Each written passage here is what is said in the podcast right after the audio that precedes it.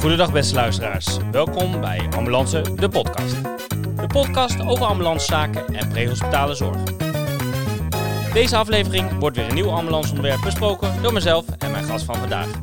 Ik wens u veel luisterplezier. Ja, goeiedag. Daar ben ik weer, Ivo van Asperen, Ambulance, de podcast. En leuk dat je luistert. Ik had zelf eh, echt heel veel zin in eh, deze podcast. Hij is ook al eigenlijk drie jaar geleden stond hij gepland. En eh, nu zitten we eindelijk tegenover elkaar. Ehm, we gaan het hebben over eh, verdrinking. Een eh, serieus onderwerp wat eh, vaak veel impact heeft eh, bij eh, omstanders en eh, hulpverleners die daar te plaatsen zijn. En ik ga vandaag eh, met twee artsen in gesprek, namelijk Jeroen Seesink en Ingvar Berg. En ik eh, laat ze even voorstellen. Goeiedag heren. Hey, ja, Ivo. Jeroen. Ehm, ik ben Jeroen. Ja. Ja, ja anesthesioloog in opleiding in eh, Rotterdam. Eh, over een half jaar klaar met de opleiding. En de differentiatie urgentie eh, erbij gedaan. Ehm, ja, en al heel lang bezig met dit onderwerp. Via de renningsbrigade ooit om de twaalfde strandwacht geworden. En enthousiast van geworden. En uiteindelijk ook ja, via de KNRM. Ehm, is deze hobby een beetje uit de hand gelopen. Ja, dus je hebt ook echt, echt, echt meer dan normaal eh, interesse in dit onderwerp, verdrinking en alles wat rond eh, mee te maken heeft, zeg maar. Ja, nu ben ik nou, nu bijna twintig jaar eh, met dit onderwerp bezig. Ook wat studies naar gedaan, publicaties ja, over dit onderwerp gepubliceerd. Ja. Klopt. Gaaf, nou dan kunnen we vast heel veel van je leren. Tegenover mij ook Ingvar Berg. Vertel, waar werk je en waarom heb je dit interesse in dit onderdeel? Ja, leuk eh, om hier eindelijk te zitten, Ivo, inderdaad, na drie jaar. Ehm, ik ben dus Ingvar Berg. Ik werk, werk als spoedeisende hulparts in Haagland Medisch Centrum. En ehm, ja, ik eh, surf eh, zelf en ook veel aan het water te vinden. En op een gegeven moment daar eh, ja, bedacht, moeten we daar niet eens een keer een congres over organiseren? En toen eigenlijk heel erg gegrepen door het onderwerp van verdrinking. Ook omdat ik zelf af en toe in het water lig. Maar ook omdat er schrijnende gevallen zijn vaak. Waar je, waar je echt eh, ja, een hele grote preventieve eh, winst kan halen. Eh, maar ook eh, ja, de fysiologie, et cetera. We wijden alweer veel te veel uit. Eh, ja, ontzettend interessant is. En inmiddels ja, ook al, ik denk meer dan tien jaar als aandachtsgebied. En ook inderdaad wat onderzoek in gedaan. En nog voornemens veel meer onderzoek in te gaan doen. Oké, okay, mooi. Dus we gaan nog veel van je horen over dat, dit onderwerp. Um, ja, het is als je erin gaat verdiepen, het is ontzettend ja, eigenlijk een groot onderwerp. Hè. We kunnen heel veel gaan bespreken in deze podcast. Uh, laten we de luisteraar vast een beetje meenemen waar we het gaan, over gaan hebben. Want uh, ik weet niet hoe lang die gaat duren, maar we gaan veel bespreken. nou, misschien een stukje over wat is verdrinking? Hè? Wat, wanneer spreek je van verdrinking en wat gebeurt er dan in dat proces op het moment dat iemand verdrinkt? Um, ik denk ook goed is, wat is de behandeling dan, pre-hospitaal van zo'n drenkeling? En een heel belangrijk stuk waar ook vaak over geschreven is van wanneer ga je eigenlijk starten met de behandeling en reanimatie van een drenkeling. Uh, daar heeft ook in het vakblad een uh, artikel over gestaan. Daar gaan we het ook over hebben. wat stond daarin en wat staat in de protocollen en zitten daar nuances in? Want het is ja, best wel lastig. Ja, ook misschien een beetje de heftigheid eromheen. wat voor soorten verdrinking hebben we? Hè? Waar spreken we van? Want er zijn natuurlijk verschillende mensen die verdrinken in een stad of in een zee. Is misschien een verschil in. dat soort onderwerpen, toch? Klopt helemaal. Ja. Goed, de eerste uh, vraag waar ik bij denk bij verdrinking is... Uh, je ziet altijd staan immersie en submersie. Kunnen jullie daar eens een verschil in uh, uitleggen? ja. we hebben, sinds 2002 hebben we algemeen geaccepteerde, een algemeen geaccepteerde definitie voor verdrinking. en dat is het ondervinden van respiratoire problemen... ofwel door helemaal ondergedompeld te zijn in een vloeistof, dan noemen we het submersie... of nog met het gelaat boven een vloeistof, dan noemen we het immersie... En dat kan leiden ofwel tot een fatale verdrinking, op het moment uh, dat, dat de patiënt achteraf uh, door, de, door het verdrinkingsincident is overleden. Uh, en als de patiënt het wel overleeft, dan kan dat leiden tot morbiditeit, als er nog, nog schade aan het lichaam op langere termijn um, blijft. Ja. Of geen morbiditeit, als er iemand zonder restschade van afkomen is. Oké, okay, dus het is niet zozeer bij verdrinking, denkt iedereen altijd iemand is overleden. Maar verdrinking kan ook zijn, je houdt er restschade aan over. Ja, ja dus niet, niet, fatale verdrinking of fatale verdrinking. Ja. Dat zijn de twee uitkomsten. Ja. Oké, okay, en submersie totaal onder water en immersie is dat je in het water, maar is het gelaat nog boven. Ja. Ja. Ehm, kan je eens uitleggen, wat gebeurt er nou eigenlijk eh, in zo'n lichaam bij een, eh, een, laten we zeggen, bij een submersie? Je gaat onder water. Ja, nou in, in het geval van submersie, je bent helemaal onder water. Is het eerste wat je, wat je doet, is, eh, is het inhouden van je adem. Eh, en dat is een handige reflex om eh, onder water te hebben. ehm, om het even vol te kunnen houden. Naarmate dat langer duurt, zal, zal je, eh, en dus langer niet ademt, zal het CO2 gaan stapelen in het bloed. Eh, zeker als je ook nog heel gestrest bent en angstig bent door, door, door het verdrinken aan zich. zal op een gegeven moment het CO2 in het bloed zo hoog stapelen dat je op een breekpunt komt waarbij je je adem niet, meer, niet langer meer in kan houden. En op dat moment zal je water eh, als het ware inademen. Dat is eigenlijk precies wat er gebeurt op de kant. Als je adem inhoudt, op een gegeven moment krijg je die ademprikkel. Neem je Ja. adem, alleen nu ben je onder water en helaas komt er dan heel veel water mee naar binnen. Ja, precies. En op het moment dat dat water in je keel komt, kunnen er ook een aantal dingen gebeuren. Wat er, eh, wat er kan gebeuren is dat je een, een laryngospaspme krijgt. Dat is een verkramping van de stembanden die ertoe kan leiden dat in eerste instantie het meeste water richting de maag gaat en niet zozeer direct al naar de longen toe gaat. Maar naarmate eh, het zuurstoftekort toeneemt, zal ook die reflex uiteindelijk afnemen. En als je dan nog wel een ademhalingsreflex hebt, dan zal er ook water in de longen terechtkomen. En dan zijn er ook een aantal dingen die, die dan vervolgens gebeuren. Allereerst is het belangrijk dat water in de longen ervoor zorgt dat de surfactant in de longen, dat we kennen als een soort van de smeerolie van de longblaasjes, dat dat niet meer, niet meer goed werkt en soms zelfs ook deels uitgewassen wordt. Ja. Eh, daardoor klappen de longblaasjes samen en zijn die delen van de long ook niet meer te beademen. Daarnaast, water in de longen zorgt er ook voor dat, dat de wand van die longblaasjes kapot gaat. Waardoor er bijvoorbeeld ook vocht vanuit de bloedbaan in de longblaasjes kan, terecht kan komen. En dat kennen we als longuideem. En daarmee kan er ook schuim uit de mond komen. Ehm, en waardoor dat surfactant dus ook eh, weer uitgewassen kan worden. Ja, dus je hebt zowel water van buiten als water van binnen eigenlijk in je longen. Wat zorgt dat er geen zuurstof meer in die longblaasjes komt. Precies, en dat is ook van belang voor de rest van de, van de hulpverlening eigenlijk als het ware. Want daardoor hebben we vaak problemen om iemand goed te beademen. Ehm, en uiteindelijk geeft dit ook grote problemen voor, voor de rest van het lichaam. Want het hele lichaam heeft last van dat zuurstoftekort. De eerste irreversibele schade die we daarvan eh, zien is dan met name in de hersenen in eerste instantie. Dus als, eh, ja, als je tijdig gered wordt, kan je daar zonder restschade van afkomen. Maar als het langer duurt, dan kan het zo zijn dat je dus ehm, ja, onherstelbare schade aan de hersenen al hebt opgelopen op het moment dat je uiteindelijk gered wordt. En je qua hart en longen misschien wel goed overleeft. Ja, Ehm, stel je nou voor, hè, je, eh, je bent aan het zwemmen en je krijgt kramp en je komt onder water. Dan ben je bij bewustzijn op het moment dat je onder water gaat. Hè. Je, hebt, je kan niet meer, of je kan misschien niet zwemmen, dus je zakt onder water. Je krijgt dat spasme. Ehm, is het ook zo dat als je niet bij bewustzijn bent, dus bijvoorbeeld je valt naar beneden, je komt met je kop tegen een, een steiger aan, je bent buiten bewustzijn en je komt dan in het water terecht. Zit daar een verschil in? Krijg je dan ook datzelfde la, larynxspasme en de koude shock op dat moment? Weten jullie dat? Ik, ik, ik vind het een hele interessante vraag. Lijkt me vrij moeilijk om eh, gerandomiseerd eh, te onderzoeken. Ja. Eh, ik denk echt dat dat een beetje richting ja, de expert opinion gaat. Kijk, je hebt al die mechanismen en ja, bij een bepaald bewustzijnsniveau zullen die reflexen onderdrukt worden. En net zoals bij lage spasmen, dat, dat, dat weten we ook niet precies hoe vaak dat nou bij verdrinking optreedt. We weten wel dat er veel water in de maag komt, dus dat het ingeslikt wordt en dat het voorkomt. Ja, ik denk dat het heel erg afhankelijk is van ehm, ja, je, je EMV. ehm, in hoeverre de reflexen nog intact zijn. Ehm, want ja, als die laag genoeg is, dan, dan zijn er op een gegeven moment helemaal geen eh, reflexen meer. Dus, dus dat is denk ik, heel erg daarvan afhankelijk. Uiteindelijk eh, zal iedereen die of hypoxisch eh, wordt of om andere redenen buiten bewustzijn raakt en in het water komt, wel wat water in zijn luchtweg en longen krijgen. En, en daardoor alsnog hypoxisch worden. Maar dan komen we precies eigenlijk op het ingewikkelde deel van verdrinking. Hè. Je denkt gewoon, ja, je komt onder water, krijgt wat water in je, in je luchtweg en je longen en je wordt hypoxisch. Maar ja, er zijn natuurlijk ook allerlei andere oorzaken waardoor je buiten bewustzijn kan raken. Bijvoorbeeld een hartritmestoornis, een hartinfarct, epilepsie of een trauma. In het water, wat op een voetbalveld misschien helemaal niet fataal is, maar in het water leidt alsnog tot verdrinking. En, en dat, is, dat is gewoon vaak lastig te ach- achterhalen. Ja, wat nou de oorzaak is geweest. Ja. Het is misschien wel goed om eventjes, voordat we het zo heel diep op de verdrinking gaan, van waardoor komen mensen in die problemen? Hè, want we hebben natuurlijk een soort verdrinking best wel veel. Hè. Je hebt mensen die op zee in het water vallen. Dus gewoon eh, te lang in het water uitgeput raken omdat ze niet meer teruggevonden worden.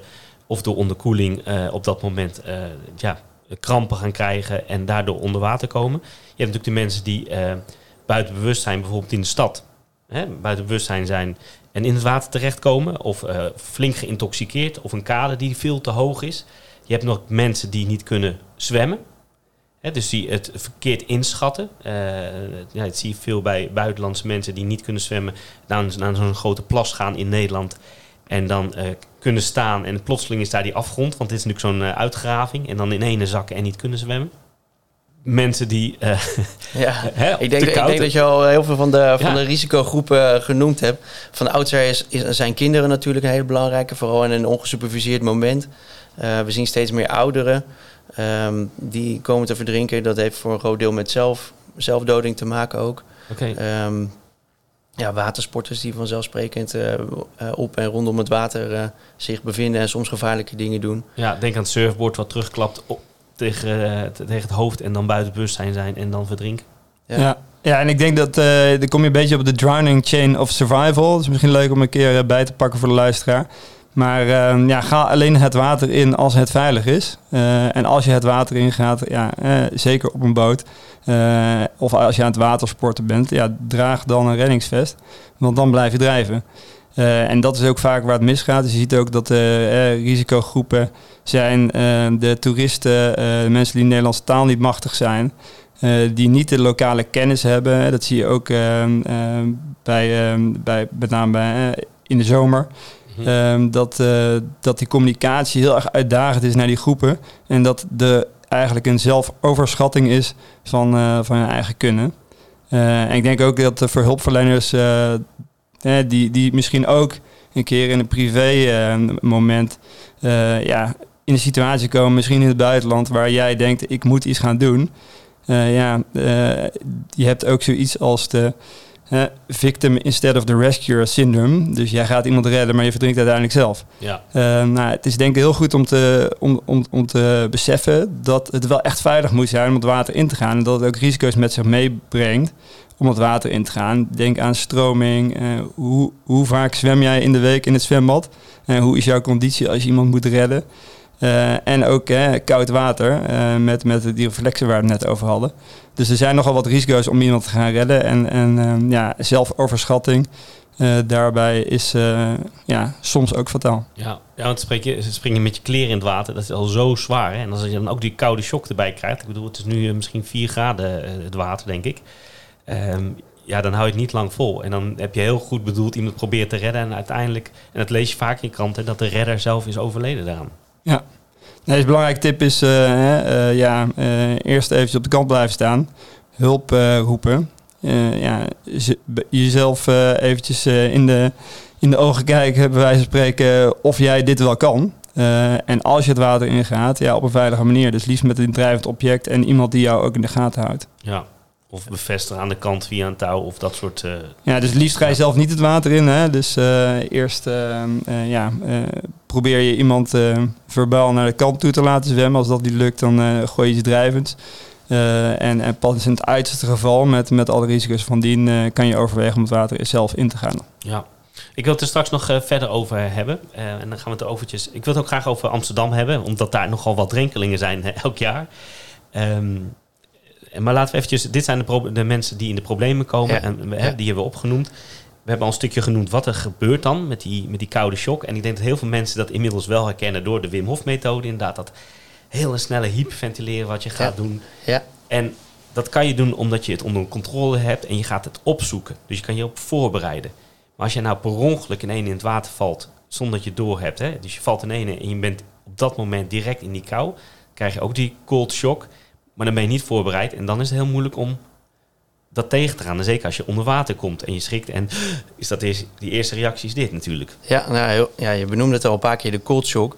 Dus het is wel eh, goed om even uit toe te lichten wat, wat dat inhoudt. En ik denk dat de meeste mensen dat wel herkennen van als ze bijvoorbeeld een keer een eh, nieuwjaarsduik hebben gedaan. Op het moment dat je in heel koud water terechtkomt, dan krijg je als het ware een, ongecontroleerde hyperventilatie, een, een gaspende ja, ademreflex als het ware. eh, waarbij, eh, waarbij je heel veel stress ervaart, eh, hoge bloeddruk krijgt, snelle hartslag krijgt. En ja, zeker op het moment dat je onder water terechtkomt, is dat een hele onhandige reflex, de cold shock. Ja. Ehm, je zegt hè, de cold shock, hè, dat is hyperventilatie en snelle tachycardie. Je, hartritme gaat in één omhoog. Maar je hebt ook nog de, de, het duikreflex.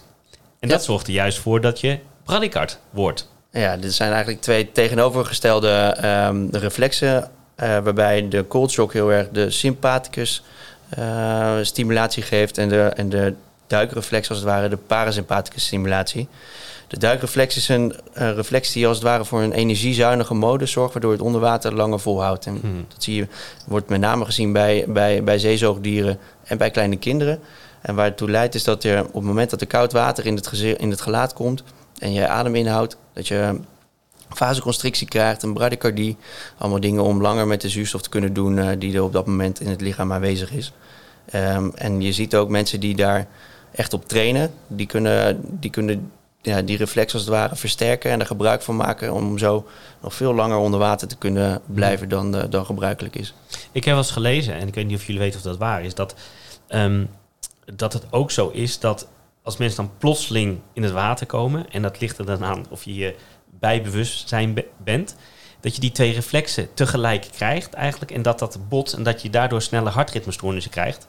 Ja. En dat het eigenlijk blijkt dat al veel meer mensen eh, bijvoorbeeld ventrikelfibrilleren krijgen in het water, veel sneller dan men verwacht. Dus dat je Ja. daardoor eigenlijk de problemen ook krijgt. Ja, dat noemen we het autonoom conflict. En Ja. eh, dat zijn ze gaan onderzoeken naar aanleiding van dat ze zagen dat er eh, relatief vaak mensen verdrinken, eh, goed getrainde zwemmers, eh, in, in koud water, in open water, soms zelfs kort dicht bij de kant. Ja. En dat is natuurlijk gek. En ehm, ja, wa- waar ze op, wat ze onderzocht hebben, is dat je aan de ene kant dus de duikreflex een parasympathicus stimulans hebt, aan de andere kant de cold shock een, een, een sympathicus stimulatie.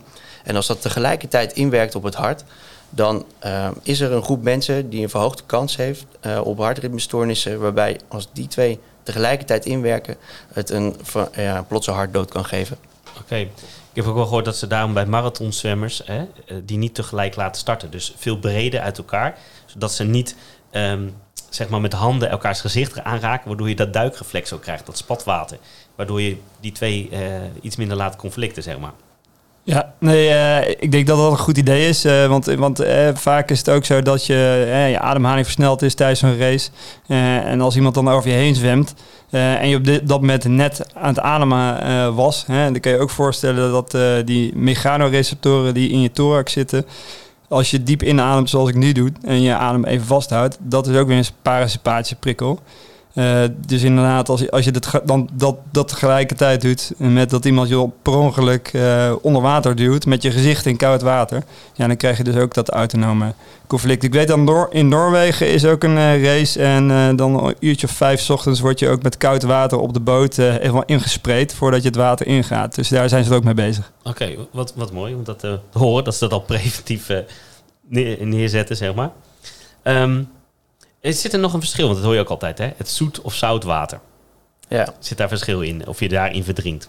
Nou, uite- uiteindelijk maakt dat niet uit. Of het zoet of zout water is, uiteindelijk zorgt het voor, eh, voor schade in de longen, voor het niet werkzaam zijn van de surfactant. En of het dan hyperosmolair of eh hypoosmolair is, dat maakt uiteindelijk niet uit voor het longbeeld wat je daarna krijgt.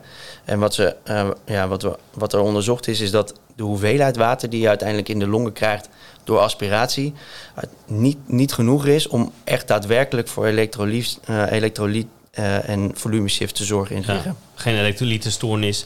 Ehm, dus, dus eigenlijk was het, of tenminste, iedereen dacht dat altijd zo, maar het is eigenlijk een soort broodje aanval. Uit onderzoek is nu gebleken dat dat niet echt uitmaakt. Of je nou in zee of in zoet water. eh, Ja, klopt. Voor de pathofysiologie aan zich niet. Wel kan je stellen dat eh, zoet water vaak wat meer verontreinigd is dan zoutwater. Ja, en nog even over hoeveel water er nou precies in je longen komt. Hè. Dus eh, bij, bij een volwassene van 70 kilo moet je denken aan iets van 200 milliliter, wat dan totaal in je longen komt. En dat hebben ze ook onderzocht eh, ja, in, dier-experimenteel onderzoek van ja, hoeveel is nu genoeg om echt dat verdrinkingsproces eh, in gang te zetten. Dus 2,2 milliliter per kilogram. Eh zorgt daar al binnen drie minuten tot echt ja, een verlaagde zuurstofspanning in het bloed en verdrinking. Dus er komt niet zo heel veel water in de longen. En, en ja, daarmee eh, ja, moet het water dan eh, ten opzichte van je circulerend volume, je hele, hele lichaamsvolume, zeg maar, moet er wel zoveel zout in het water zitten. We daar elektrolyten of anderszins ehm, verschillen in krijgen. eh, tussen zoet en zoutwater en vervolgens gevolgen in de alveoli of in het lichaam. Dus dat, dat is eigenlijk klinisch eh, op dat moment in de acute fase niet relevant. Als je dan uitkijkt naar eh, ja, eh, infecties, ja, dan is het natuurlijk wel relevant om, eh, en maar daar komen we misschien zo op, om te kijken of het water echt verontreinigd is. Ja, en ehm, hoeveel komt er dan in de maag? Want ik, heb dus, eh, ik ben bij een verdrinking geweest op de Prinsen Gracht. Ehm, ik was zo onder de indruk toen van de hoeveelheid water Ja. die uit die mond kwam... bij elke keer dat ik die patiënt aan het beademen was. Dat was zo ontzettend veel dat ik echt dacht van... ik had hem volgens mij beter eventjes over de brancard kunnen hangen.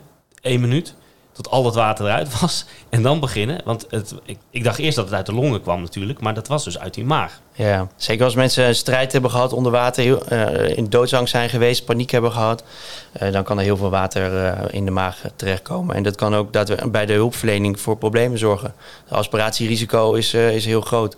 Ja, En met name ook door alle longproblemen die er ontstaan door, ja, of dan wel zoet of zout water in de longen, maar die, die, die, geven, die zorgen ervoor dat de compliantie van de longen eh, eh, slechter wordt. Eh, moeilijke beademing, waardoor er ook, zeker als je met mond-to-mond beademing of met mondmas of uh, masker ballonbeademing begint, heel veel ook eh, lucht in de, in de maag zal blazen, omdat dat moeilijker naar de longen gaat. En ook dat zorgt dan weer voor extra ehm, aspiratierisico, omdat dat water en braaksel dan eh, ja, in de meeste gevallen omhoog komt. ja. Nog een postmortem studie eh, die laat dan zien eh, 500, eh, tot, eh 500 milliliter tot eh 1200 milliliter water in de maag bij eh patiënten, personen die dus fataal, hè, anders is het niet postmortem, eh, verdronken zijn. Zo. Ja, dat is inderdaad... eh, Dat is vrij veel. Ja. Dat kijk, ja, dan kijk- ik bedoel, als je bij, per teug of dat je inademt met de ballon, zeg maar. Hoe noem je dat? Een, tijd volume rate, zeg maar. Dat je dan 300 milliliter uitkrijgt, dan is dat natuurlijk wel eh, ontzettend veel. Het is misschien een mooi bruggetje naar wat is nou de behandeling van zo'n drenkeling? Stel, hè, laten we naar, eh, naar misschien de kaas die ik heb meegemaakt uit de Prinsengracht. eh, ligt een, een man. Het is net gebeurd, brandweer is snel te plaatsen. En na een minuut of ik denk tot tien dat het was of zo, komt de man naar boven. Ehm, ja, hoe ziet zo'n drenkeling eruit? Hè? Het is natuurlijk slap gewicht, dus het duurt eventjes voordat hij uit zo'n gracht is. Die wordt getild. Ehm, nog kleren aan. Ja, wat tref je dan op dat moment aan? Eigenlijk op het moment dat je gaat eh, beademen, dat er dus echt heel erg veel water uitkomt. Ja, ik denk dat het goed is om dit, eh, zoals we vaker doen, op, op te splitsen in het eh, ABCDE Ja. eh, methodiek. Eh, en ja, en los daarvan kunnen we het ook hebben over, over reanimatieprotocollen. En daar, eh, zoals de IRC eh, guidelines dat voorschrijven voor ja, zowel verdrinking als voor, voor onderkoeling. Ja. Daar zullen we zo meteen even op, op inzoomen. Maar laten we even bij de, bij de A beginnen. Want ehm, het probleem bij verdrinking is met name de gevolgen van hypoxie. Daarom is goed luchtwegmanagement echt van essentieel belang. Ehm, en je verwacht bij dit soort patiënten een moeizame beademing door eh, het hele ARDS-beeld wat, er, er ontstaat. Dus het is belangrijk dat als je bijvoorbeeld uh, gaat doen, dat je dat echt met een twee-handen techniek doet, om dat te verder te optimaliseren. Ehm, en bijvoorbeeld het, ja, de luchtweg kan ook hinder hebben van, van het schuim wat bij longedeem eh, naar boven komt. Ik denk dat een belangrijk ja, aandachtspunt hier is dat je dat schuim niet continu moet gaan proberen weg te, weg te zuigen met een zuig. Want dat gaat blijven komen. Maar he- heel even praktisch, hè? want je, kan die twee handen techniek doen, goed aansluiten, Mhm. maar er komt alleen maar water uit. Dus is dan niet de eerste stap zorgen dat dat water er eerst uit is? Want ik weet nog dat ik ging beademen. dacht ik, ja, dit heeft geen zin, want ik zit hier gewoon een aquarium, zeg maar, gevoelmatig te beademen. Dat er zoveel water in staat. Dus ehm, Ja, als je het echt, dat is goed om een onderscheid te maken. hè. Als er schuim uit de, uit de luchtweg komt, dan is dat over het algemeen het longuideem. Ja. En dat, dat moet je vooral proberen te negeren en terug naar binnen ja, blazen. maar dat was niet het sprake. Dit was echt puur Als het echt water is Ja. en braaksel is, ja, dan, moet je, dan moet dat eruit. Want dat obstrueert de luchtweg. En in dit geval zou je dan voor een snelle kantelmethode kunnen kiezen om het er snel uit te laten lopen. En dan zo snel mogelijk weer verder te gaan met die, eh, met die beademingen. En dan gewoon echt wachten tot het gewoon het meeste water stopt, zeg maar. Dus snel op de kant draaien, het eruit laten lopen. ehm, Ja, Ja, dus bij massale, massaal braken of massaal hè, water wat omhoog komt, hè, eh, ja, eh, lokrol, eh, in principe snel draaien en eh, uitzuigen. Eh, en vervolgens het toch wel beginnen met je A. Eh, want ja, als je op een gegeven moment een gezekerde luchtweg hebt, dan eh, kan je ook een uh, neus-maagzonde inbrengen. Eh, want anders dan zal dat water elke keer eh, je resuscitatie kunnen, kunnen blijven verstoren. Ja, dus ik nog te denken, is er dan nog een, een pre om de- bijvoorbeeld een eye-gel te gebruiken? Want dan sluit je natuurlijk in principe de maag wel af, al staat daar hoge druk op. Dus er zal altijd water Mhm. toch nog in die lo- eh, longen komen. Maar goed, met de kap ook. Dus Ja, het is een interessante eh, discussie waar, eh, waar veel over gesproken wordt. Het grappige is dat de literatuur er eigenlijk geen hele harde ehm, ehm, feiten over kan geven. Het is zelfs zo dat de patiënten die geïntubeerd worden het over het algemeen slechter doen. Maar dat zit er met name in dat dat ook de meest zieke patiënten zijn. Dus er zit heel veel bias in. ja, Ehm, ja, uit de praktijk weten we dat het wel echt de voorkeur heeft om eh, iemand te intuberen na verdrinking. Met name als die beademing dus lastig gaat, dan eh, zijn er hoge beademingsdrukken nodig. En dat, ja, dan is de kans op lekkage met een, eh, met een laagsmasker is enorm. Eh, en ook de kans dat je dus meer lucht richting de maas blaast en, as, eh, blaast en aspiratierisico van alles wat er omhoog komt. Ja, dat, da- daarmee heb je met een laagsmasker, laagsmasker en ook met de eye-gel dus gewoon geen gezekerde luchtweg. nee. Maar dan zou je dus eigenlijk zeggen van, gewoon wat er ook gebeurt, zo snel mogelijk intuberen. Want dat is de- eigenlijk de enige gezekerde luchtweg. En dan heb je de maag, eh, ja, dat is dan niet het probleem. Het is fijn om hem leeg te zuigen voor de drukken en voor te aspireren. Maar dat kan eigenlijk dan niet meer gebeuren. Ja, absoluut. Dus op het moment dat je, dat je kan intuberen en dat veilig kan doen, dan moet je dat doen. Op het moment dat je de spullen niet hebt of twijfelt, eh, dan, eh, ja, dan is iets beter dan niets. En probeer dan een laagsmasker in afwachting van bijvoorbeeld het MMT. Ja. Eh, ja, en als de beademing makkelijk gaat, als een, een, ja, een ervaren hulpverlener kan aan de ballon voelen hoe, hoe de beademingsdrukken zijn en gaat dat makkelijk, dan is het, dan is het goed. Maar als het, als het moeilijk gaat, ja, dan, dan is er echt wel een indicatie om de patiënt te intuberen. Ja. Ja, ik heb een keer een MMT-arts horen zeggen van het, er moet gewoon geventileerd worden. En als jij de, eh, kijkt en je ziet, je kan moeilijk intuberen, doe er een eye-gel in, maar ga beginnen. En als het MMT is, gaan wij wel eh, intuberen desnoods. En als je het wel zeker bent en je kan het, eh, ga het dan doen. Ziet dat ook steeds meer hulpmiddelen komen, ook weer terug. Hè. Eerst was het helemaal terug naar de eye-gel en nu zie je in heel Nederland toch mensen eh, toch wel weer sneller gaan intuberen, omdat ze gewoon lagere scope erbij krijgen om eh, goed te kijken en eh, dat soort dingen. Ja. ja, en misschien ook nog goed om te noemen is, een maagzonde inbrengen. Ehm, om uiteindelijk, ja, we weten dat er heel veel water en lucht ehm, richting de maag gaat. Om eh, dat uiteindelijk en eruit te krijgen, maar ook als er heel veel lucht en water in de maag zit, geeft dat ook druk op het diafragma. En dat kan ook voor eh verhoogde beademingsdrukken zorgen. Ik kan me voorstellen dat dat eh maagzonde inbrengen nog lastig gaat op dat moment. En dan zou je wel weer die eye-gel daarvoor kunnen gebruiken. Al is het meer een ontluchtingskanaal dan een uitzaagkanaal. Hè. Het is een dun dingetje, maar goed, beter iets dan niets. Ja, ja, dat is afhankelijk van de materialen die, je, die je hebt. Ja, Ja, nee, en ik denk, ik denk dat het belangrijk is gewoon eh, om uh, cijfermatig onderbouwing dan. Dus als je een, uh, een niet-totale uh, verdrinking patiënt krijgt die gereanimeerd is, dan is 86% uh, die heeft dan geaspireerd. Dus, dus dat geeft wel aan waarom zeg maar, ja, er eigenlijk twee redenen zijn dat je idealiter die optimale uh, opgeblazen hebt, zodat je en het aspiratierisico verkleint. Uh, en tegelijkertijd dat, dat, uh, dat je vaak wat piep wil geven en, en de oxygenatie en de ventilatie daarmee ja, optimaler kan brengen. Wat, wat echt de uitkomst gaat bepalen bij deze patiënt. Maar ja. verder sluit ik me aan bij alles wat gezegd is. Ja, je, je begint met wat je kan en wat werkt. En als het niet werkt, step op. En, en als je de skills en de materialen en de setting hebt om, om te intuberen, uh, ja, dan is dat zeker optimaal bij uh, de patiënt buiten bewustzijn. Ja. Hoeveel piep geef je? Is, is er een standaard voor? Ja, nou, als we naar richting de, de B gaan, dan uh, is het denk ik wel goed om onderscheid te maken of je in een reanimatiesetting bent of niet. Mm -hmm. um, want piep, de post-expirituare, uh, post-eindexpirituare druk, uh, is de druk die er na de beademingsteugen achterblijft in de longen. Um, en dat geeft dus ook uh, positieve, al, eigenlijk altijd positieve druk in de, in de thorax, waardoor de veneuze return richting het hart lastig wordt. En op het moment dat de circulatie uh, ja, slecht is tijdens een gedurende reanimatie, dan heb, kan je daar ook last van hebben. Ja. Op het moment dat je, uh, maar op het moment dat, dat, dat hypoxie zorgt voor de problemen en je echt hoge beademingsdrukken nodig hebt door de atelectase en dergelijke, uh, ja, dan zul je daar een optimum in moeten vinden. En over het algemeen zeggen we dan begin met 5 piep. Um, en hoog dat op met 2, 3 piep, uh, ja, nagelang het nodig is.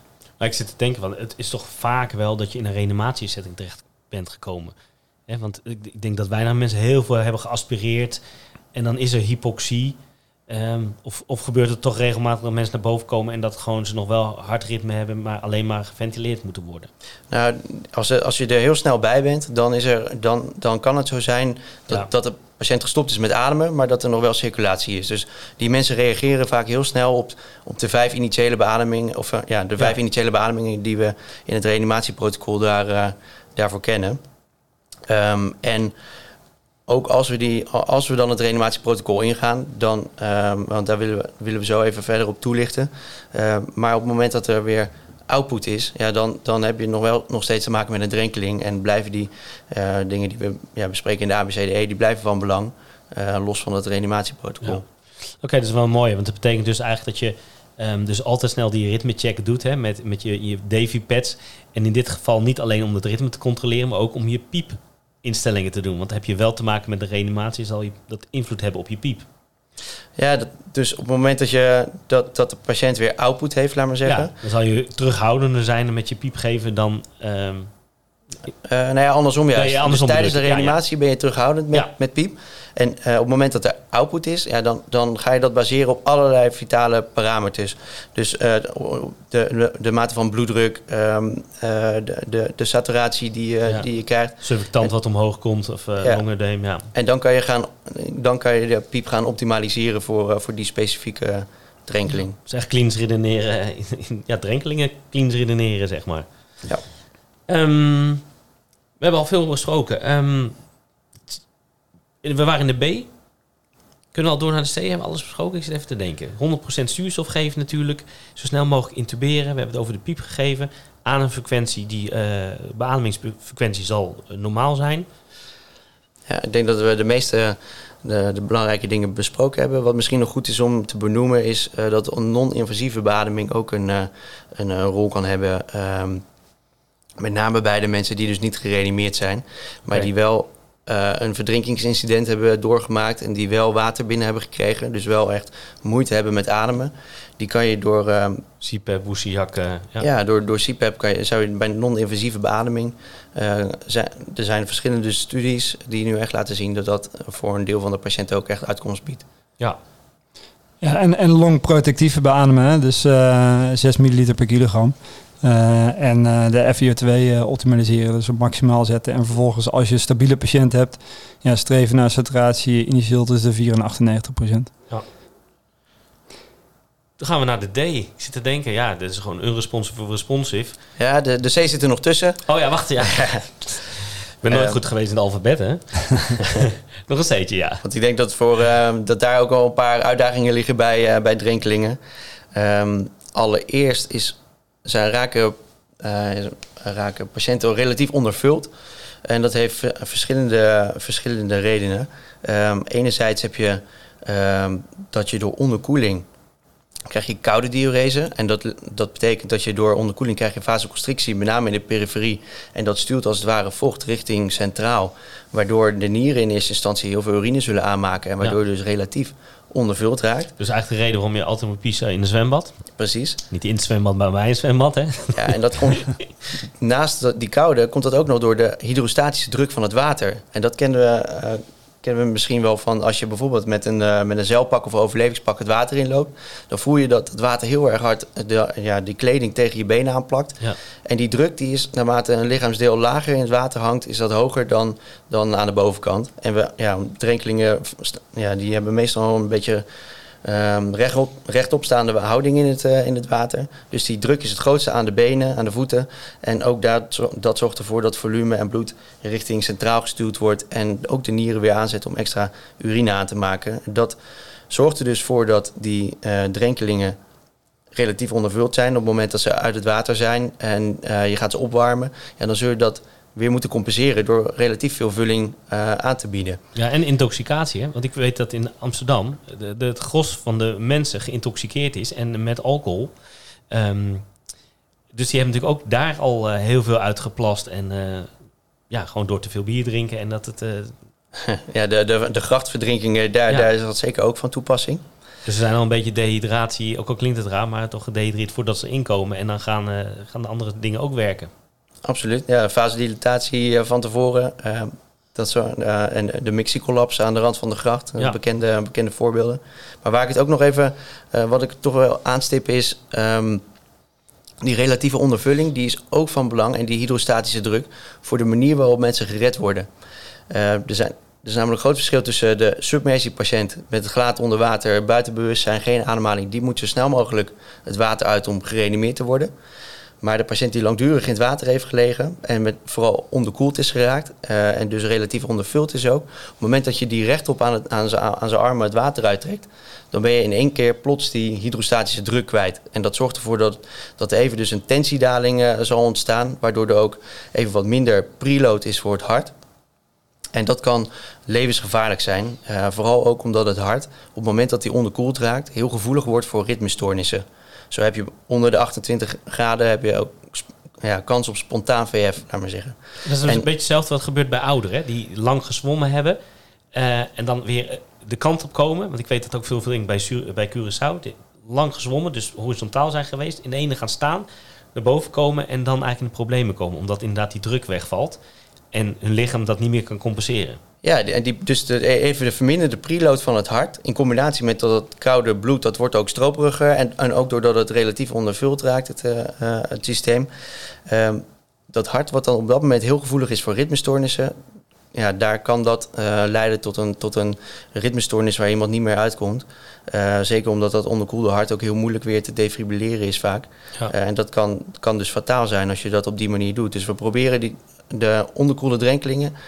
proberen we juist horizontaal uit het water te houden... om juist die volumeshifts zo klein mogelijk te, te, te houden. Oké, en dan is de inschatting, hoe lang duurt dat dan, hè, die onderkoeling? Want ik heb ook wel gehoord dat dat... ehm, ze zeggen zo'n half uur duurt voordat iemand ontkoeld is. Maar met dit water is dat toch wel sneller. Ja, voordat je echt diep onderkoeld bent, dat duurt vaak wel even. En dat is afhankelijk van weersomstandigheden, patiëntgerelateerde omstandigheden. Dus eh, eh, iemand die al ziek, zwak of ehm, eh, heel mager is, klein is, kinderen, die, die koelen natuurlijk sneller af. In koude omstandigheden koel je natuurlijk ook sneller af. Ehm, maar voordat je diep onderkoeld bent, heb je dus ook al last van eh, ja, verkramping, ehm, moeilijker kunnen zwemmen. En dat kan dan zich ook al leiden tot, tot een verdrinking, Ja. ja. tot, het, tot het verder verdrinken. Ja, en hoeft op, niet zich, altijd op zich kan je die half uur dus wel aanhouden. Hè? Dus eh, ja, die eh, koeling zuiver via je huid als je gewoon stil in het water ligt eh, zonder kleren in eh, water van 0 graden. Ja, dan duurt het gewoon echt een half uur eh, totdat je onderkoeld eh, bent. Als je in een stromend eh, bergmeer ligt en je bent een kindje van, eh, van vier, ja, dan gaat het natuurlijk wel sneller. Eh, en ehm, ja, wat verder denk ik nog eh, belangrijk is om, eh, om daarbij eh, te benoemen, eh, ben ik even vergeten. Nou, wat, wat, ik ook wel grappig vond, we hebben het over de temperatuur. Maar het is, wat ik net al zei, bij ouder is het zo dat eh, als zij, want dat hadden wij in de podcast van duikongevallen. Die hebben natuurlijk ook die druk gehad. Die komen dan langzaam weer omhoog.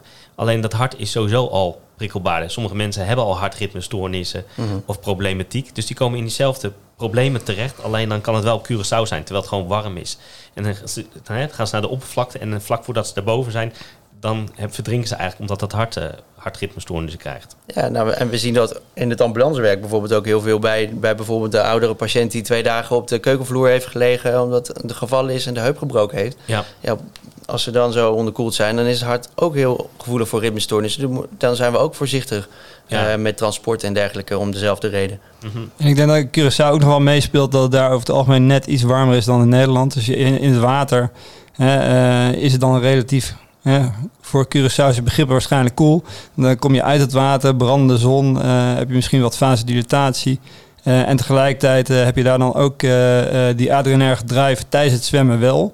Je hartslag die iets hoger is. En dan denk je, oh, nou, lekker gezwommen, een beetje ontspannen. Ga je en opstaan en is het warm buiten. En heb je door het zwemmen ook wel wat vocht verloren. Dus ik denk dat daar ook meerdere mechanismen... eh, en niet alleen een hartritmestoornis, maar met name ook gewoon uh, Ja. en, eh, en ja, posturele syncope. Dat ene cocktailtje nog even erbij in, de middag. Precies, Ja. helpt ook. Ja. Ja. Ehm, dus vulling. En het liefst verwarmde vloeistoffen natuurlijk. Ja, en dan eh, nou, de rescue collapse en, eh, en die ritmestoornissen. Ik denk Ja. dat dat de belangrijkste dingen zijn om, eh, om hier te benoemen. Misschien En de adrenaline, hè, dat je de tussenpozen groter maakt bij zo'n reanimatie, omdat er onderkoeling is. Ja, dat, ja, dat is vooruitlopend op, op het reanimatieprotocol inderdaad. Maar Ja. dat passen we aan op, op, op, op de temperatuur van, eh, van de drenkeling. Ja. Daar komen we zo nog even verder op, eh, op terug. En misschien ook te- goed te benoemen als eh, ja, je echt de hele eh, zeg maar zieke drenkeling, eh, niet staande drenkeling hebt, die gereanimeerd is, dat cardiale dysfunctie daar uiteindelijk op, op kan treden. Gewoon door eh persisterende hypoxie, metabole acidose. Eh, en naast uh, crystalloïde, ja, als de patiënt wel weer output heeft, buiten het reanimatieprotocol dus, eh, maar bij ROSC, dat dan eh, naast crystalloïde dan ook eh, inotropie eh, wel eh, geïnitieerd eh, kan zijn. Ja, dus eh, MMT, nou sowieso gaan die mee met ons. Die kunnen dat natuurlijk eh, starten. Ja, Ja. lijkt me een goed idee. En verder door de onderkoeling krijg je over het algemeen ook eh, eh, een toenemend bradykardieën. En die zijn in principe ook niet geïndiceerd om die te gaan pacen. Dat is vooral belangrijk om die mensen op te warmen. En dan zul je zien dat het fysiologisch is en dat, eh, dat de hartfrequentie ook weer gaat toenemen. Eigenlijk is er alleen een indicatie om te pacen als ondanks opwarmen die bradykardie blijft bestaan. Oké, en atropino dan? Ja, het geldt hetzelfde voor. Zou je dus ook niet, want dat, ja, dat is alleen niet slim om te doen. Je gaat vooral op, opwarmen. Mooi om mee rekening te houden. Ehm, gaan we naar de D. Ja, da- daar is denk ik vooral belangrijk om rekening te houden met het brein. Omdat, dat, omdat daar de eerste, het snelst irreversibele schade ontstaat. Ehm, en daarvoor streven we naar normaal alles. Dus we proberen ervoor te zorgen dat er geen hypoxie optreedt, maar ook geen hypotensie. Dat het glucose in range blijft. Ehm, het, eh, ja, geen hypocapnie, geen hypocapnie, al die dingen eh, Ja. blijven daar belangrijk voor. En als iemand eh, wel weer bij is, kan je inderdaad dat CPAP of boeziakmasker geven. Hè? Ja. Dat kan natuurlijk alleen als iemand bij weer Ja, ja, zeker. is. En dan, Instrueerbaar zijn Ja. en ja, absoluut. Maar ik denk dat er niet snel aan gedacht wordt. Dus dat is wel mooi om dat inderdaad dat je het benoemd hebt.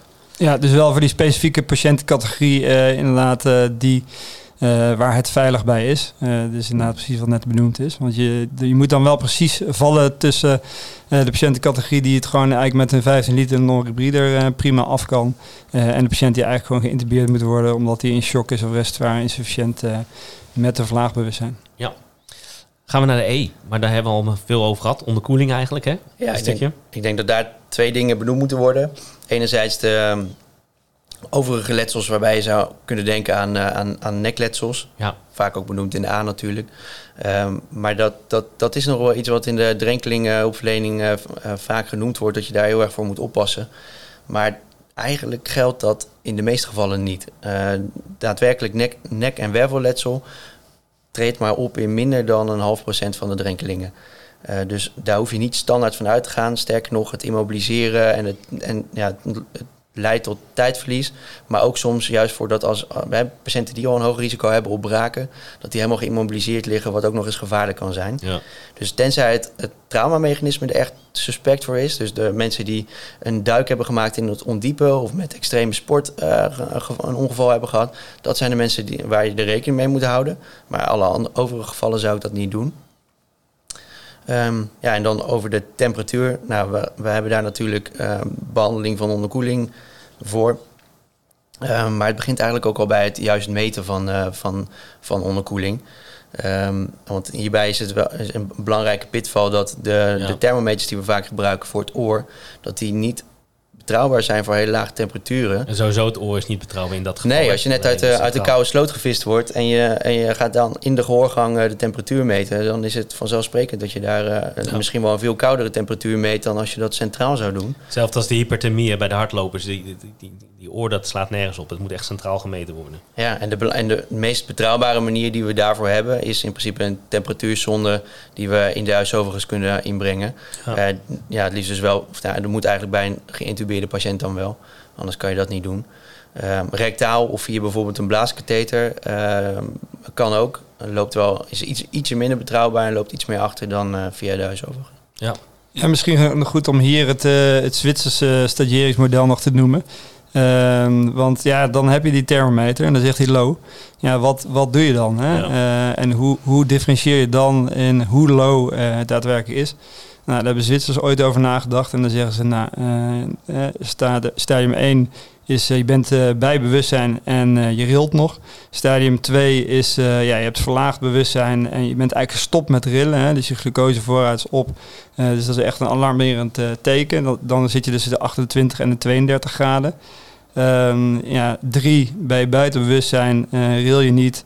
Eh, en, en- maar heb je nog wel hè, vitale parameters, nog wel een hartslag, waarschijnlijk een bradykardie. Mhm. Eh, en ehm, adem je nog zelf en dan eh hyp- hypothermia 4 is onder de 24 graden, dan heb je eigenlijk ook geen eh, vitale parameters meer. Dus, dus dat is eh, een model wat gebruikt kan worden. Dan hebben ze ook onderzocht hoe goed is dat nou, nou als je dan achteraf kijkt, eh, klopt het een beetje met de temperatuur. En dat was dan in ongeveer 50% van de gevallen zo.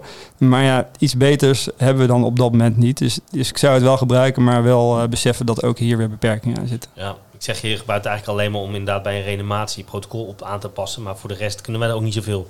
En met dat folietje en, en je, je deken, ja, Mhm. kunnen we weinig... eh, Oké, warme vloeistoffen geven. Ja, en ik denk dat eh, ook bij de patiënten die eh, misschien nog niet in reanimatiesetting zijn... en nog wel bij bewustzijn of net buiten bewustzijn raken... en je, je, hebt, je hebt een temperatuur low... eh, ja, dan moet je op een gegeven moment ook aan ECMO gaan denken.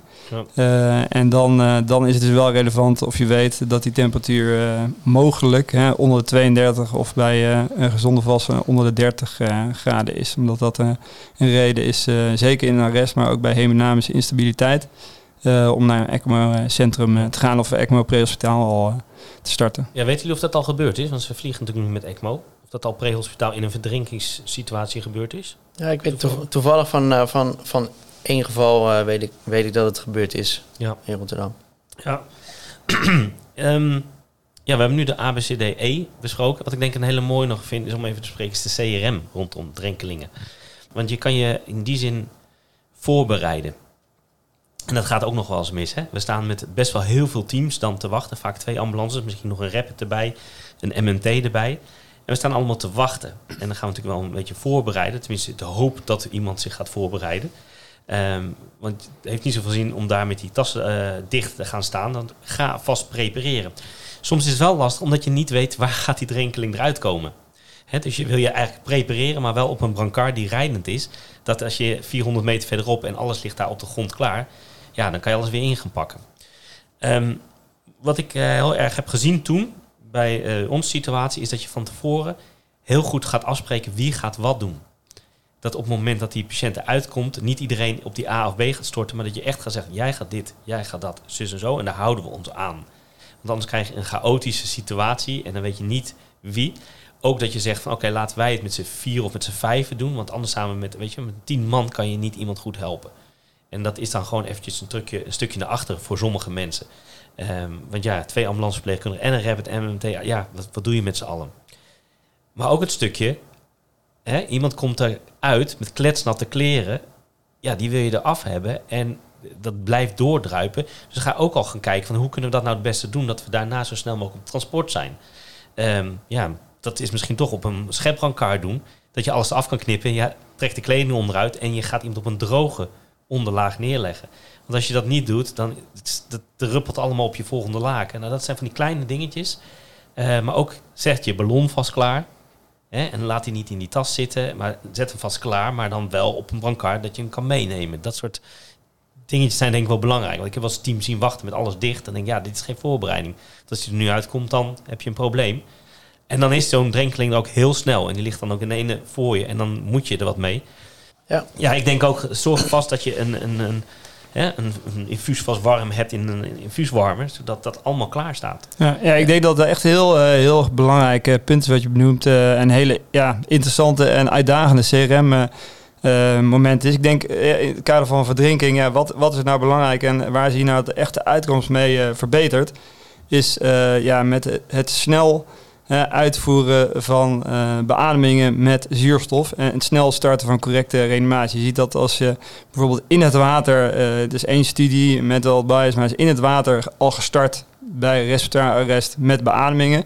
Ja, daar zie je echt een enorm veel betere overleving dan bij patiënten die dat niet, waarbij dat niet gebeurd is. En ja, gezien hypoxie toch de oorzaak is, als je iemand net vijf minuten onder water en sinds twee minuten arrest direct start met de correcte resuscitatie, ja, daar ga je echt de winst behalen. Dus daarom is denk ik extreem belangrijk om die voorbereiding tot in de puntjes eh, als een Formule 1 eh, team tijdens de pitstop te bespreken.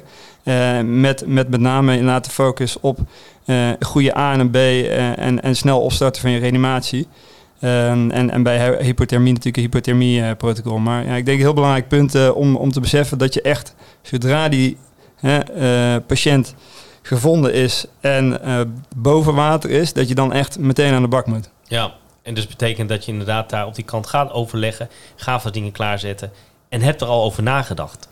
Hè, die kan je in die zin echt voorbereiden op een verdrinking. Bedenk nu, ga visualiseren. Wat ga je doen als je een keer in zo'n situatie komt? Ja. En, ehm, want ik, ik bedoel, als, als je ouders erbij hebt of familie, je krijgt ook nog eens een keer die emotie erbij. Want ik, wat, wat ik van die, mijn kaas kan herinneren, is dat gegil van zijn vrouw. Hè, het was een, een, een meneer die was uit een kroeg gestapt. eh, waarschijnlijk aan de waterkant gaan, eh, gaan urineren. Kwam niet terug. Ehm, iemand heeft hem zien vallen. Een vrouw komt ook uit de kroeg. eh, ontzettend gegil. Er moest gedoken worden. Wij duiken er ook niet in. Dus je staat te wachten. En plotseling is die man. En dan ben je dat allemaal doen. Met gegil op de achtergrond. Afleidend. En ja, dan moet je gewoon echt goed geprepareerd zijn. En daar is CRM dan echt heel belangrijk in. Ja, nee, ja, onderschrijf volledig. En ik denk ook eh, twee andere interessante punten, zeg maar, nog voordat je met het team aanwezig is, eh, is, is gewoon dat die locatie echt heel erg duidelijk is waar je naartoe gaat. Want ja, vaak, precies wat je zegt, waar komt de drenking boven? Zijn ze aan, aan de zeekant aan het zoeken of in een meer? En, en daar zit ook nog wel eens vertraging in. Omdat er gewoon inderdaad heel veel paniek is. Het is heel uitdagend, de communicatie. En het andere punt eh, is denk ik ook alvast nadenken. hè. Eh, ja, waar gaan we heen? Ja. Eh, en hoe gaan we daarheen? Ja. Ehm, ik wil nog heel eventjes toch over die mixie collapse hebben. Hè? Want het is, het is voor sommige mensen niet echt helemaal duidelijk.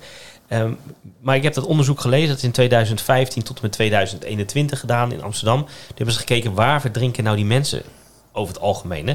Ook dit jaar zijn er echt wel weer een paar mensen in het ei gevonden. En, en hoe komt dit? Ehm, nou, dat zijn verschillende oorzaken natuurlijk. En ze hebben gekeken en we hebben eigenlijk 75 kilometer aan kanalen in het centrum van Amsterdam rondom.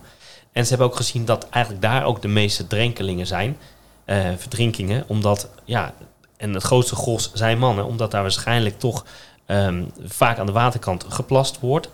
Ehm, heel veel van die mensen zijn ook geïntoxiceerd, dus toch eh, is er alcohol in het bloed gevonden, eh, mogelijk drugs erbij.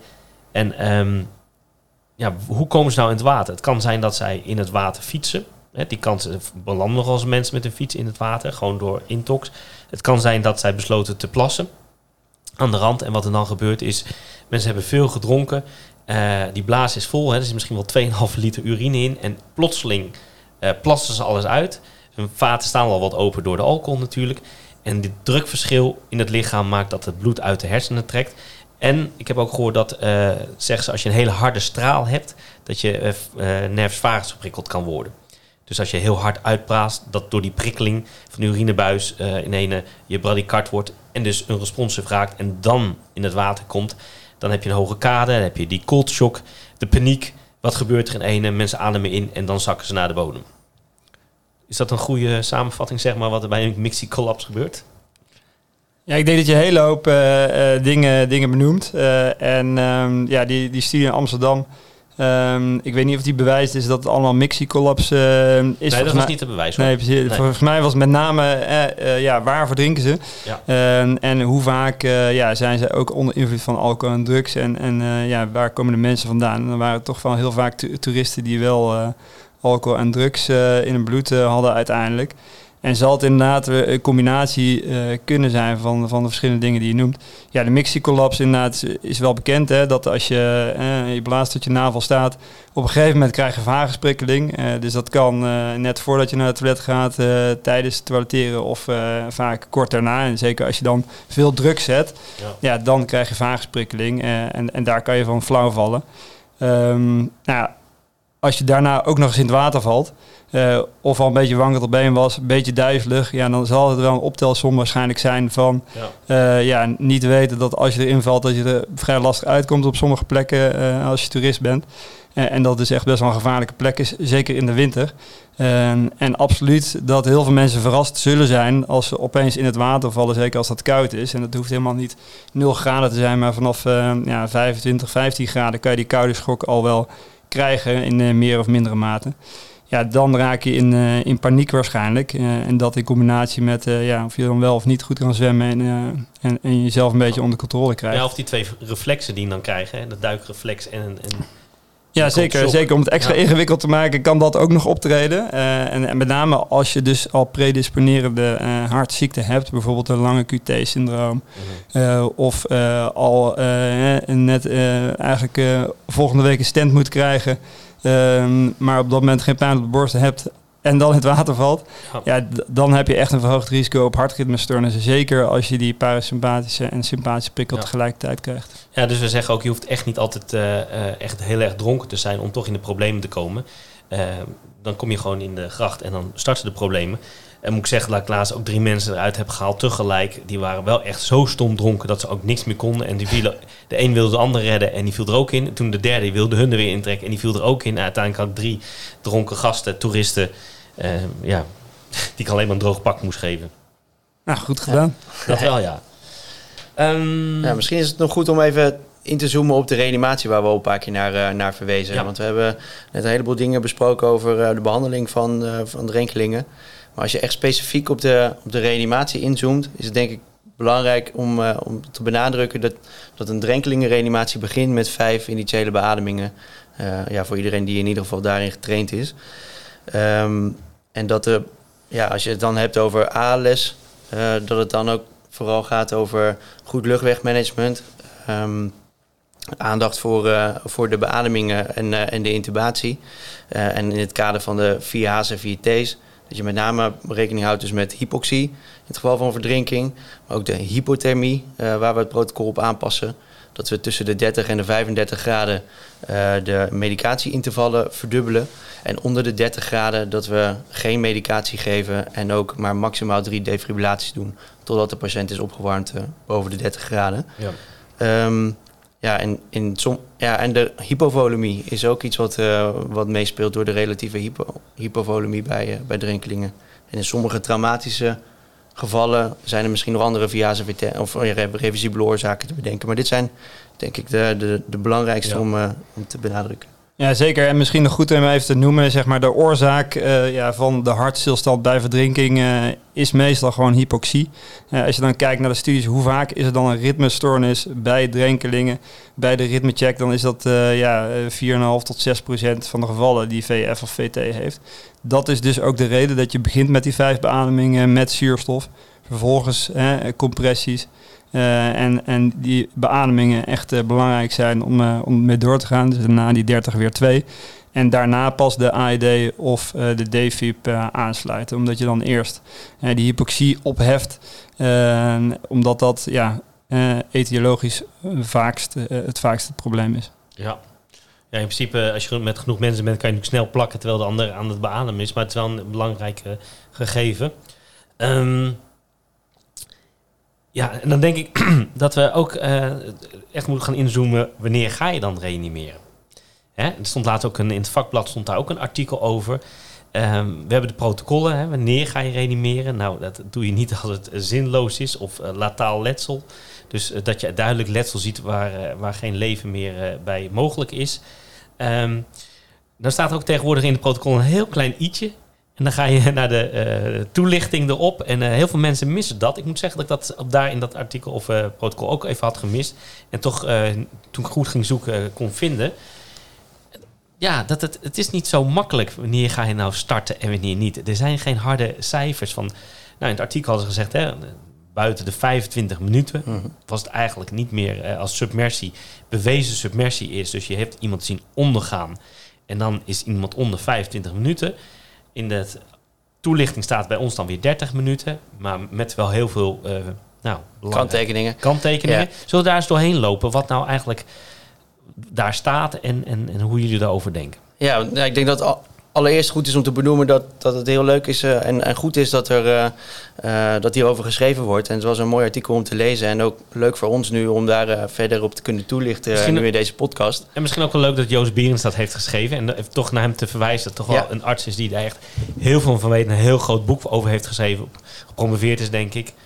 Eh, Absoluut. Ja, en daar echt grondlegger is eh, van, van de wetenschap op dit gebied in Nederland, toch? Ja, precies. Deze toelichting op, in ons LPA is inderdaad door Joost Bieris opgesteld.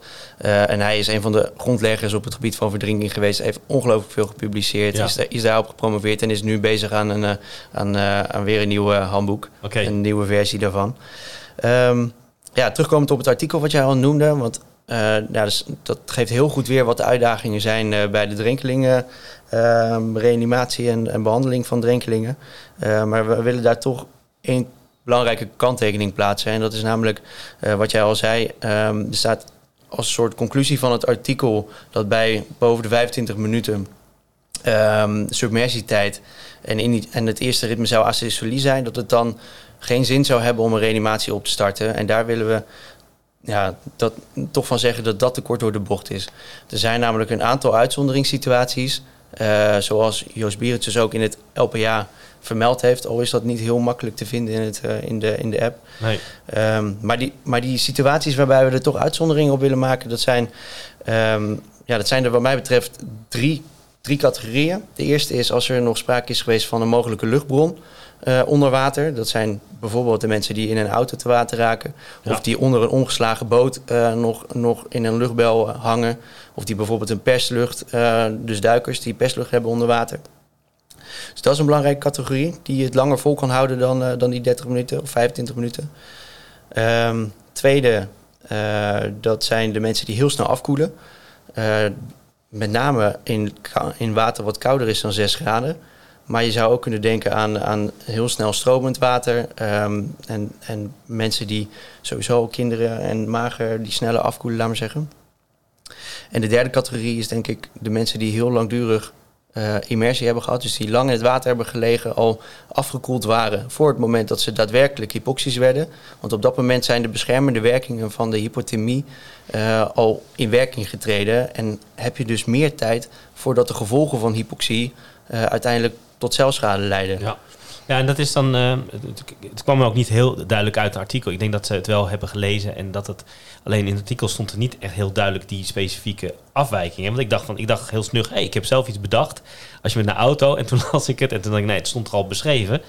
Ehm, inderdaad, het gaat erom dat je, eh, als je iemand echt onder water ziet gaan, maar het blijkt ook dat, dat heel vaak die tijd echt onbekend is. Ja. Hè, dat, het is echt niet zo dat mensen onder water zien gaan, dat ze dan op een horloge gaan kijken en denken van, ik ga het nu even bijhouden hoe lang dat is. Eh, gevoelstijd en daadwerkelijk tijd is natuurlijk al een verschil. En je moet natuurlijk een soort richtlijn hebben, maar ga wel heel goed bedenken inderdaad van, Ja. was er een luchtbom of was het een duiker, hè? Dan, dan met, met perslucht, dan heb je ook een situatie die weer anders is. Ja, ik denk dat die drie, die drie categorieën die zijn belangrijk om in het achterhoofd te houden als je daar een beslissing in moet maken. En wat je net al terecht aanstipte, er is heel, heel, heel vaak sprake van allerlei onzekerheden. En Ja. op het moment dat je besluit om echt niet te starten of vroegtijdig te stoppen, dan moet je wel heel zeker zijn dat, dat, eh, ja, dat het dus een, een, een kansloze situatie is. Want als, als dat niet zeker is, eh, ja, dan zou je dus eigenlijk toch moeten starten. Ja, Ja, dus het moet echt een waargenomen verdwijning onder water zijn. hè. Dus niet de vermissingstijd of de zoek- of de meldtijd. Eh, maar die onderzoeken die, die zijn dan wel echt gebaseerd op een waargenomen submersie, dus verdwijning onder water. Ja. Waar je zeker weet dat iemand 30 minuten zonder luchtbel, zonder eh, eh, andere dingen, eh, niet in ijskoud water, ja, eh, aan het verdrinken is geweest. ja. Ja, wat je terecht al zei, de, de studies ehm, ja, die laten wel zien dat, dat submersietijd boven de 25 minuten wel echt een hele slechte overleving geeft. Ehm, ja, de beste overleving is onder de zes minuten. Hè? ja, dus hoe korter, hoe beter. Ja, dat is logisch natuurlijk, maar als we het even over cijfers hebben, rond die zes minuten is daar die grens ook. Ja, en dat zijn mensen die hebben een relatief grote kans om, om, om verdrinking te overleven.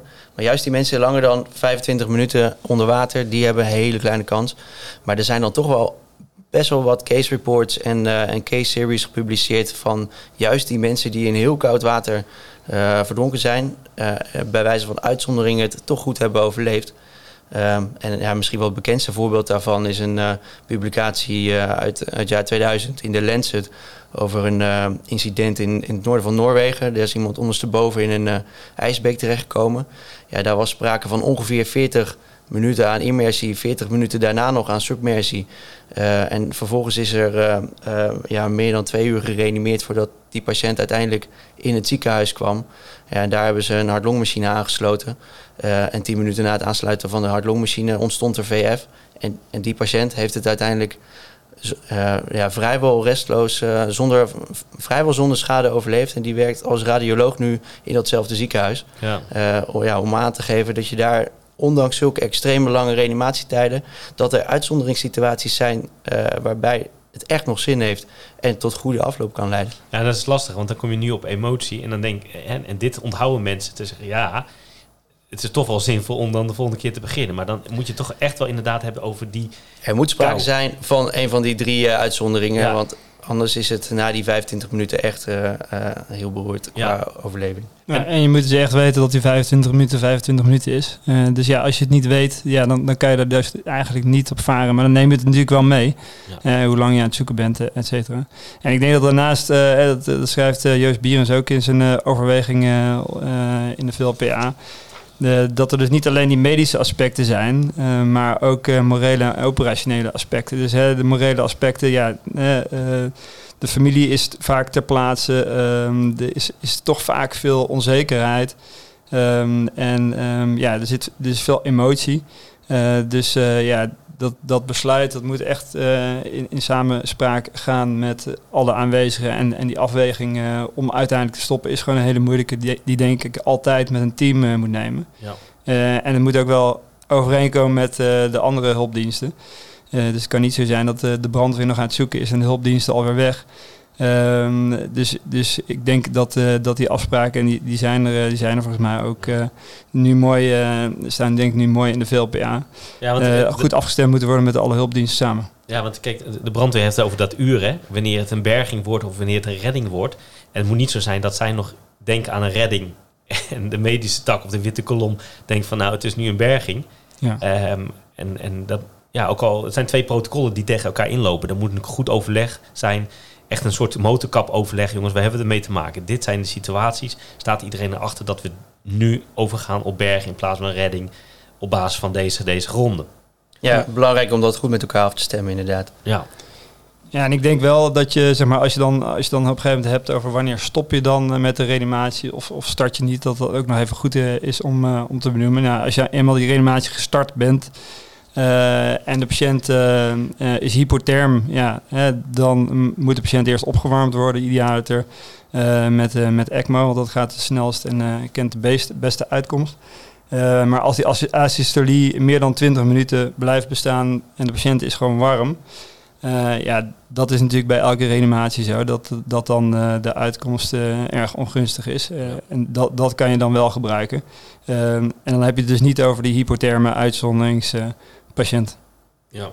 Ja, in, in het geval van die hypothermie is dan misschien goed om, te, eh, om toe te lichten dat, dat opwarmen dan middels de ECMO en in principe tot 32 graden. Als, die dan, als die asystolie dan blijft bestaan eh, voor meer dan 20 minuten, dan is dat, de- dat wel een moment om te stoppen. Ja, nou, kijk, de toelichting is wel mooi, maar ik denk dat het protocol toch iets moet aangepast worden in de zin van eh, dat je niet zo'n hele toelichting moet gaan lezen op de plek daar, hè, maar dat je een soort protocol krijgt waarin die afwegingen staat, beschreven, zodat je gewoon met elkaar even die takken kan belopen van waar hebben we nu mee te maken.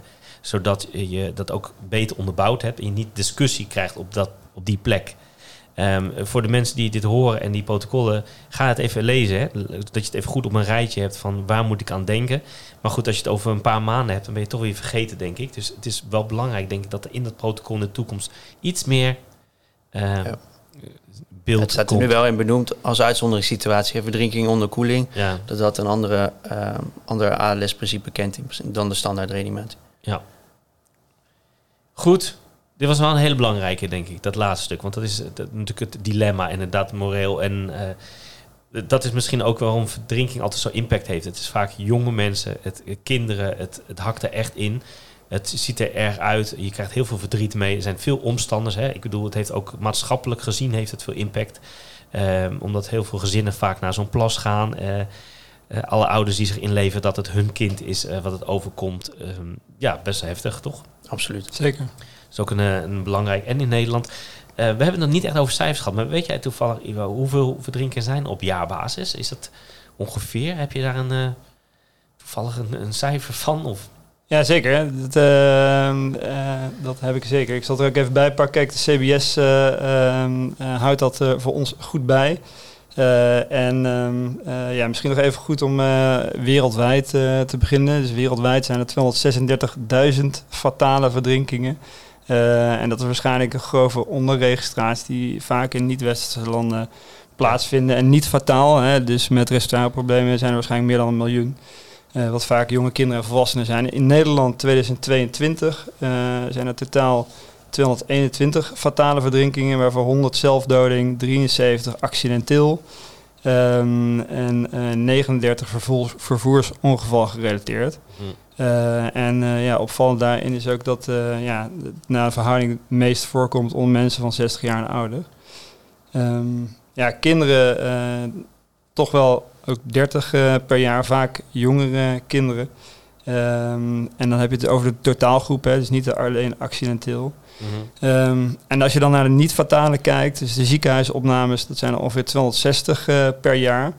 Eh waarvan eh, ja, de cijfers die ik heb kunnen vinden voor IC-opnames 30 tot 50 IC-opnames per jaar in totaal in Nederland geregistreerd waren.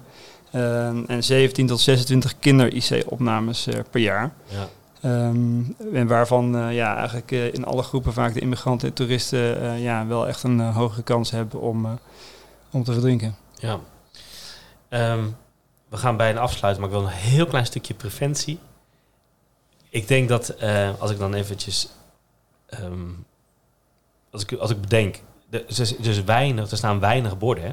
Staat hier mag niet zwemmen, maar ik moet eerlijk zeggen dat ehm, in, in Amsterdam zie je weinig borden van pas op, doe dit niet. Of er zijn geen spotjes van plas niet bij de grachten. Ehm, ouders, hè, van pas op verdrinking. Ik, misschien is de grootste preventie is eh, als ouder ga je met je kind zwemmen, telefoon thuis laten. of meenemen, maar stop hem in je tas. Niet gaan scrollen op dat strand. Want je ziet natuurlijk echt veel gebeuren. Dat mensen door eh, dat ze telefoon gebruiken hebben even Ja. dat zicht op die kinderen kwijt zijn. Eh, en dat kan echt zo gebeuren. Hoor. Ik ben ook een keer mijn kind kwijt geweest op het strand. Het is, het- pff, je gaat echt door de grond. En, je- en je, dan heb je het zo voorgenomen om niet te doen. En je kijkt even naar je tas, je kijkt op en je kind is weg. Herkenbaar. Ja, en dat gebeurt alle ouders. Alleen, ja, als dat gebeurt in, om, omdat het echt pronk is, maar omdat je eh, zit, eh, op WhatsApp zit te kijken, is dan een groot verschil, denk ik. Het kader van preventie, over het algemeen wordt gesteld dat, dat meer dan 90% van de verdrinkingsongevallen te voorkomen was Ja. geweest. En dit soort campagnes om mensen alert te maken is natuurlijk heel belangrijk. Wat je zegt, eh, borden, hekken, hekwerken, ehm, ja, daar zijn we over het algemeen in Nederland al heel goed in. Eh, badmeesters, strandwachten, Ja. al, eh, al dat soort ehm, preventiemaatregelen. School, schoolzwemmen, belang- belangrijk onderdeel daarvan. Ehm, ja, daar zijn we in Nederland al een stuk beter in dan, eh, dan bijvoorbeeld eh, de wat armere landen. Eh, met name de derde wereld. Dat is overigens ook de plek waar 90% van alle verdrinkingen in de wereld plaatsvindt. Oh, ja, zo verwacht je, omdat je zo'n waterland is. Ja, daar ook natuurlijk, maar wij, wij, wij Ja. zijn er heel erg mee Ja, wij groeien ermee op. ja. Dus de, de, de mensen die hier echt opgegroeid zijn, een Nederlandse achtergrond hebben, die ja, hebben minder kans om te verdrinken dan de mensen die een immigratieachtergrond hebben of hier als toerist komen. Ja. En Ja. overal is water. Ja, en eh, ik, ik denk, eh, zeg maar, ja, je kan, no- zolang er verdrinking eh, zijn in Nederland, zowel vertaald als niet vertaald, ja, je kan nooit genoeg aan preventie doen.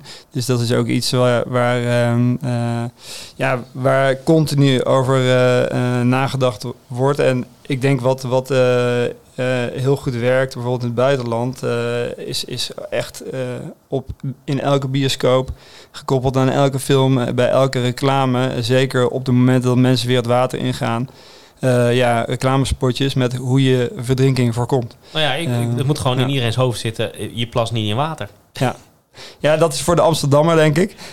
Maar verder, ik denk voor de rest van Nederland op zich ook. Eh, Ja. Maar ga vooral ook het water niet in als het niet veilig is. En als je het water toch per ongeluk invalt... Ja, dan heb je nog die 1-10-1 rule eh, uit, uit Canada eigenlijk. Dus één minuut om die cold shock, hè, die ademhaling onder controle te krijgen. 10 minuten heb je dan in ijskoud water tenminste. Dat je nog een, ja, bewegingen kan maken, zoals fijne vingermotoriek. Even je skis of je schaatsen uit.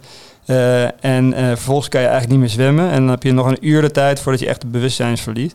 Eh, dus ik denk dat dat ook eh, ja, voor heel Nederland, zeker in de winter, een boodschap kan zijn. Van, ja, zorg ervoor dat je weet wat je moet doen als je per ongeluk toch in het Ja. water komt. Mannen, hebben we nog een eh, take-home message voor de mensen? Ja, nou, we hebben heel veel besproken, maar ik denk dat de belangrijkste dingen om van deze podcast te onthouden eh, is dat preventie het allerbelangrijkste is. Eh, meer dan 90% van de verdrinkingen is, is gewoon te voorkomen. Als het gebeurt, zorg dat je het herkent eh, en dat je op tijd alarmeert. Ehm, zorg voor drijfvermogen eh, voor de drenkeling om het eh, proces van een verdrinking te, onder, te doorbreken. En als je een daadwerkelijke redding gaat uitvoeren, denk vooral ook aan je eigen veiligheid om zelf niet te verdrinken. En op het moment dat de drenkeling op de kant is, bij immersie dus eventueel ook rekening houden met de horizontale redding. Eh, ja, dan is het belangrijk om goede BLS en ALS eh, uit te voeren. Waarbij aandacht moet zijn voor de vijf initiële beademingen. eh, het luchtwegmanagement, het liefst zo snel mogelijk intuberen en zo snel mogelijk met zuurstof beademen. Ehm, en rekening houden met eh, hypothermie, hypoxie en eh, hypovolemie. Mooie samenvatting. Dat had veel sneller gekund, hè, deze podcast. Ja, we hadden mee moeten beginnen, Jeroen. Ja.